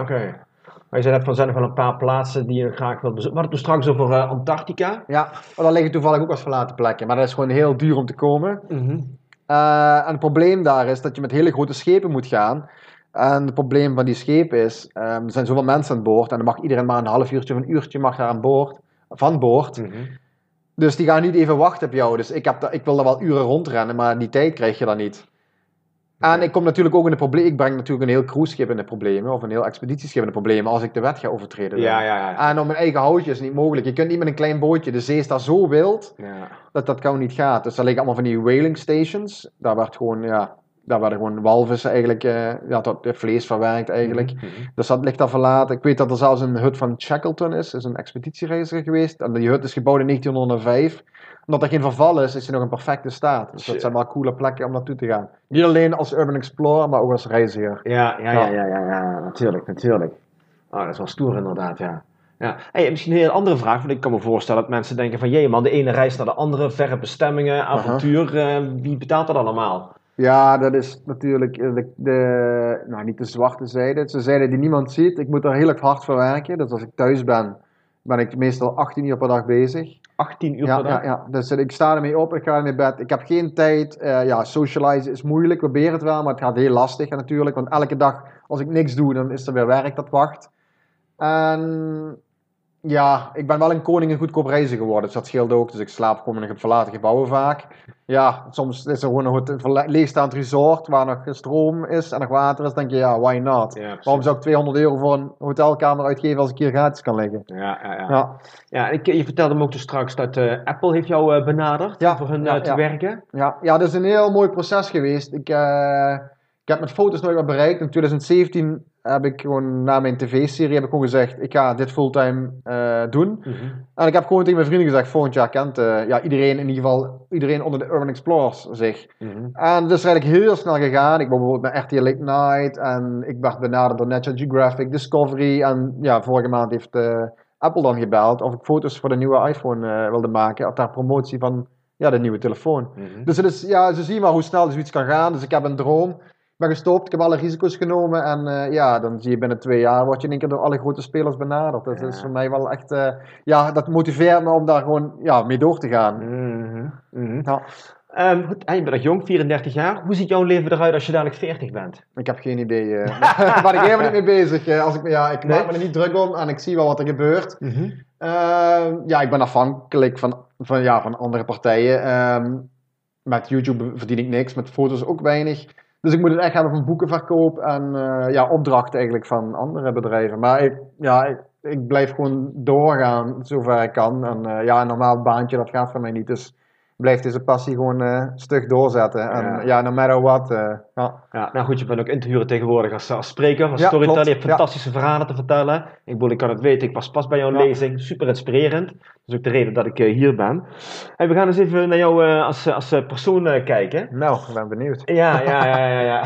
Een aantal vragen die ik, die ik altijd wel stel. Nou goed, ik zie jou als een held. Wat je doet is absoluut Ja, heel erg bijzonder, zeer uniek. Want ik heb nog nooit iemand ontmoet die dit allemaal doet. Wie zie jij als een held? Wie is jouw held? Wie is jouw inspirerend voorbeeld? Oh, dat is moeilijk. Ja, ik wou, ik heb wel een inspirator gehad. Eén persoon is heel belangrijk geweest in mijn leven. En dat is een oud leraar van mij. En dan word ik wel emotioneel, denk ik, als ik erover ga vertellen. Maar ik was ook vroeger helemaal niet, ik kon mijn passie niet vinden. En eh, op school voelde ik me een vreemd eentje. Ik deed animatie. En ik was er eigenlijk niet thuis, want iedereen zat te tekenen. En ja, dat was gewoon niks voor mij. En door die leraar, die was zo enthousiast. En die heeft mij zo gepassioneerd dat hij mij eigenlijk ook er doorheen heeft geholpen. En heeft ook gezegd van je moet gewoon doen wat je leuk vindt. En zo ben ik ook verlaat eh, plekken weer tot leven gaan brengen met stop motion. Dus ik heb mijn, die, in die opleiding heb ik mijn draai kunnen te vinden dankzij die leraar. En op zijn beurt raakte wij weer zo gepassioneerd van mij. Dat we eh, na mijn opleiding, ik was met hoge onderscheiding geslaagd. Dus moet je je voorstellen, eh, iedereen zit daar te tekenen en 3D-filmpjes te maken. En eh, ja, ik heb gewoon gezegd, jongens, ik ben gewoon op reis en jullie zien mijn eindwerk wel. En die leraar waren niet eh, tevreden mee, behalve dan die ene leraar wat mij inspireerde. En eh, uiteindelijk was iedereen zo erg ja, overweldigd bij mijn eindwerk, dat die leraar heeft gezegd, Bob, we moeten hier meer, doen- me- meer mee doen. En toen zijn we gewoon een, een eh, tv-serie gaan schrijven. En dankzij die persoon, dankzij een oud leraar, ehm, die mij gemotiveerd heeft om dingen die leuk zijn om te doen, Mhm. ehm, is er een tv-serie gekomen na drie jaar. was ook een heel lang proces. Maar daardoor ben ik gewoon gaan doen wat ik leuk vond. En hij heeft me dan ook echt ja, geïnspireerd. En hij heeft mij gemaakt tot de persoon die ik nu ben. Dus eigenlijk zie ik dat nog steeds als mijn, eh, ja, mijn inspiratie, Grootheid, ja, ja. grootheid en leermeester. Ja. Ja. Hoe heet hij? Toon Loenders. Toon Loenders? Ja.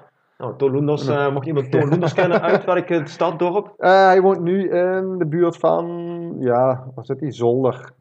Zolder, oh, in Ja, België. België. Ja, is in België. Nou, Ja. Als iemand Loenders kent, eh, laat het eventjes, eh, eventjes weten inderdaad. Ik kan me voorstellen dat met jouw eh, reizen eh, ja, heel veel ups en downs hebt. En eigenlijk hele hoge Ja. pieken en hele diepe dalen. Ja, klopt. Wat was, ehm, wat was jouw hoogtepunt en wat was jouw dieptepunt? Goh, ja, dat is, ja.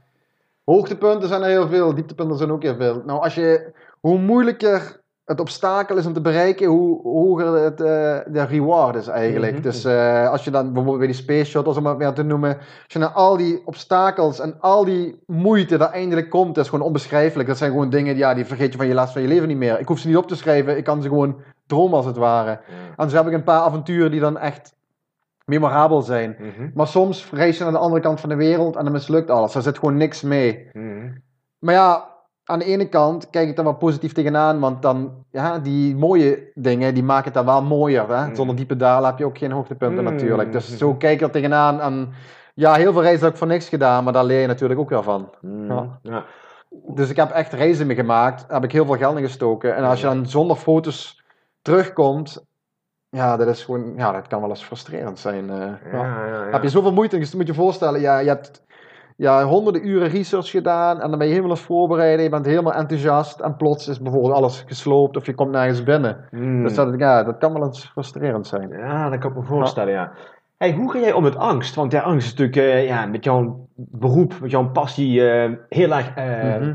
in jouw leven. Hoe ga je daarmee om? Ja, voor mij besta ja, bestaat het niet. ja, bestaat dat? Ja, ik, ik, ik denk er niet meer na. Ik, als ik bij dingen na zou denken, Ja.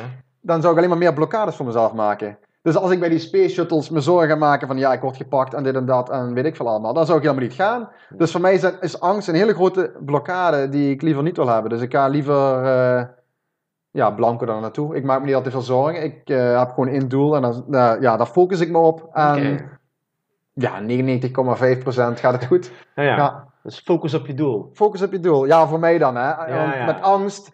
Je hebt bijvoorbeeld locaties waar redelijk veel bewaking is. Maar als je Mhm. van tevoren al gaat kijken van hoeveel auto's daar zijn. Ja, dat houdt mij alleen maar tegen. En als ik niks weet, dan loop ik ook heel anders daar rond.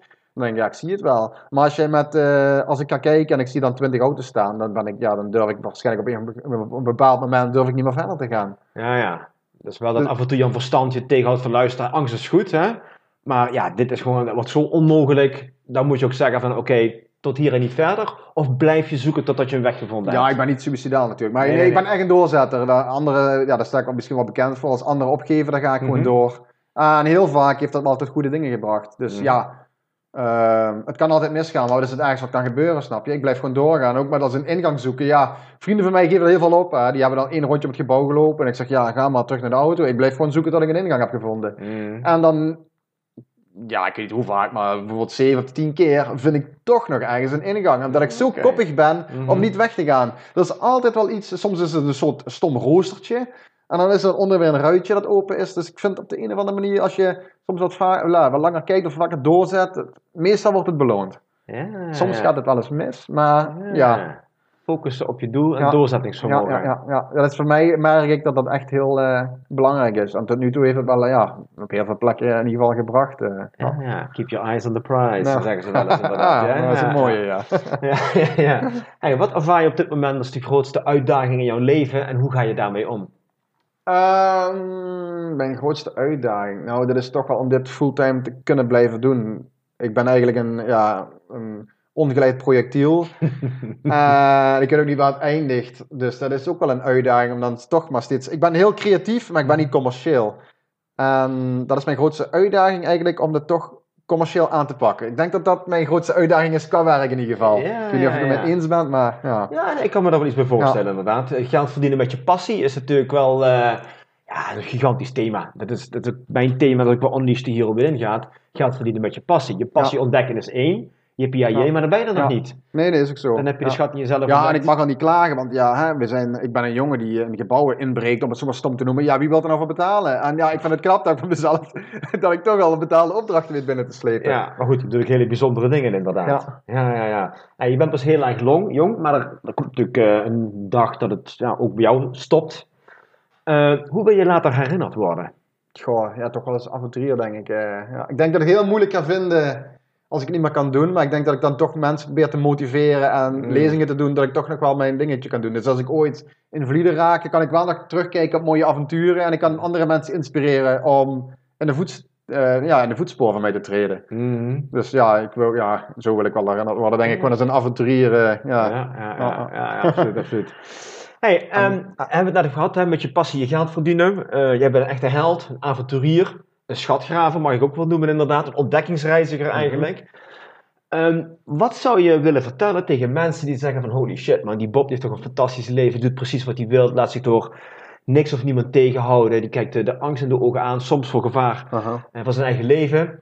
Ehm, wat zou je tegen mensen willen zeggen die ook van binnen iets voelen, zeg maar, die ja, hun leven een bepaalde richting op willen Ja. geven, maar zich tegen laten houden? Ja, heel veel mensen zijn ook jaloers en zeggen, ja Bob, ik vind het zo vet. Ik zeg, ja, stop dan. Ehm, ja, de mogelijkheden zijn gewoon oneindig. Je kunt tegenwoordig overal geld mee verdienen. Maar de meeste mensen die blijven gewoon erin hangen. Die willen gewoon een veilig gebied blijven. Ja? Je, je een baan. En dat is allemaal, allemaal smoesjes eigenlijk. En ik ben het levende voorbeeld dat het mogelijk is. Eén van de vele waarschijnlijk. Maar ik heb gewoon gestopt met alles. Ik heb het risico genomen.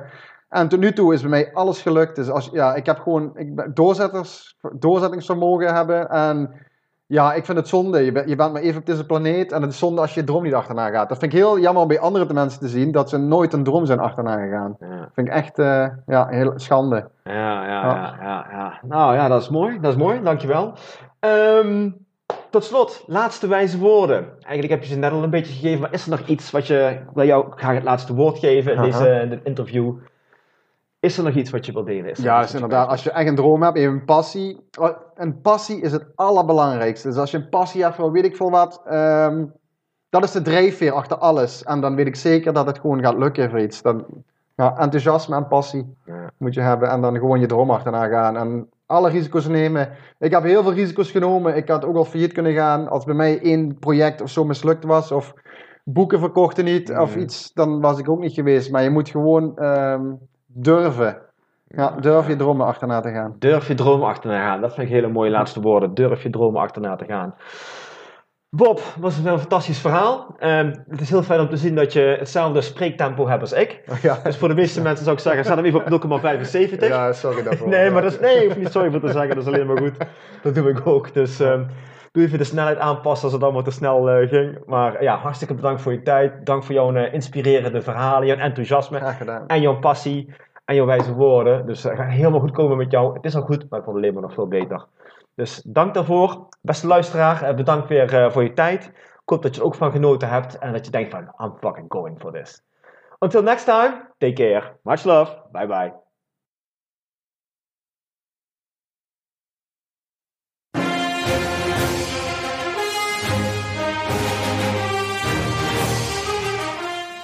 Ik hoop dat je net zoals mij weer hebt genoten van de mooie verhalen van mijn gast en er hopelijk iets aan hebt gehad. Wil je meer inspirerende goodies ontvangen over hoe jij een fucking awesome legendarisch leven kunt hebben? Ga dan naar mijn website unleashtheherowithin.nl en meld je vandaag nog aan. Thanks for listening and until next time, stay awesome.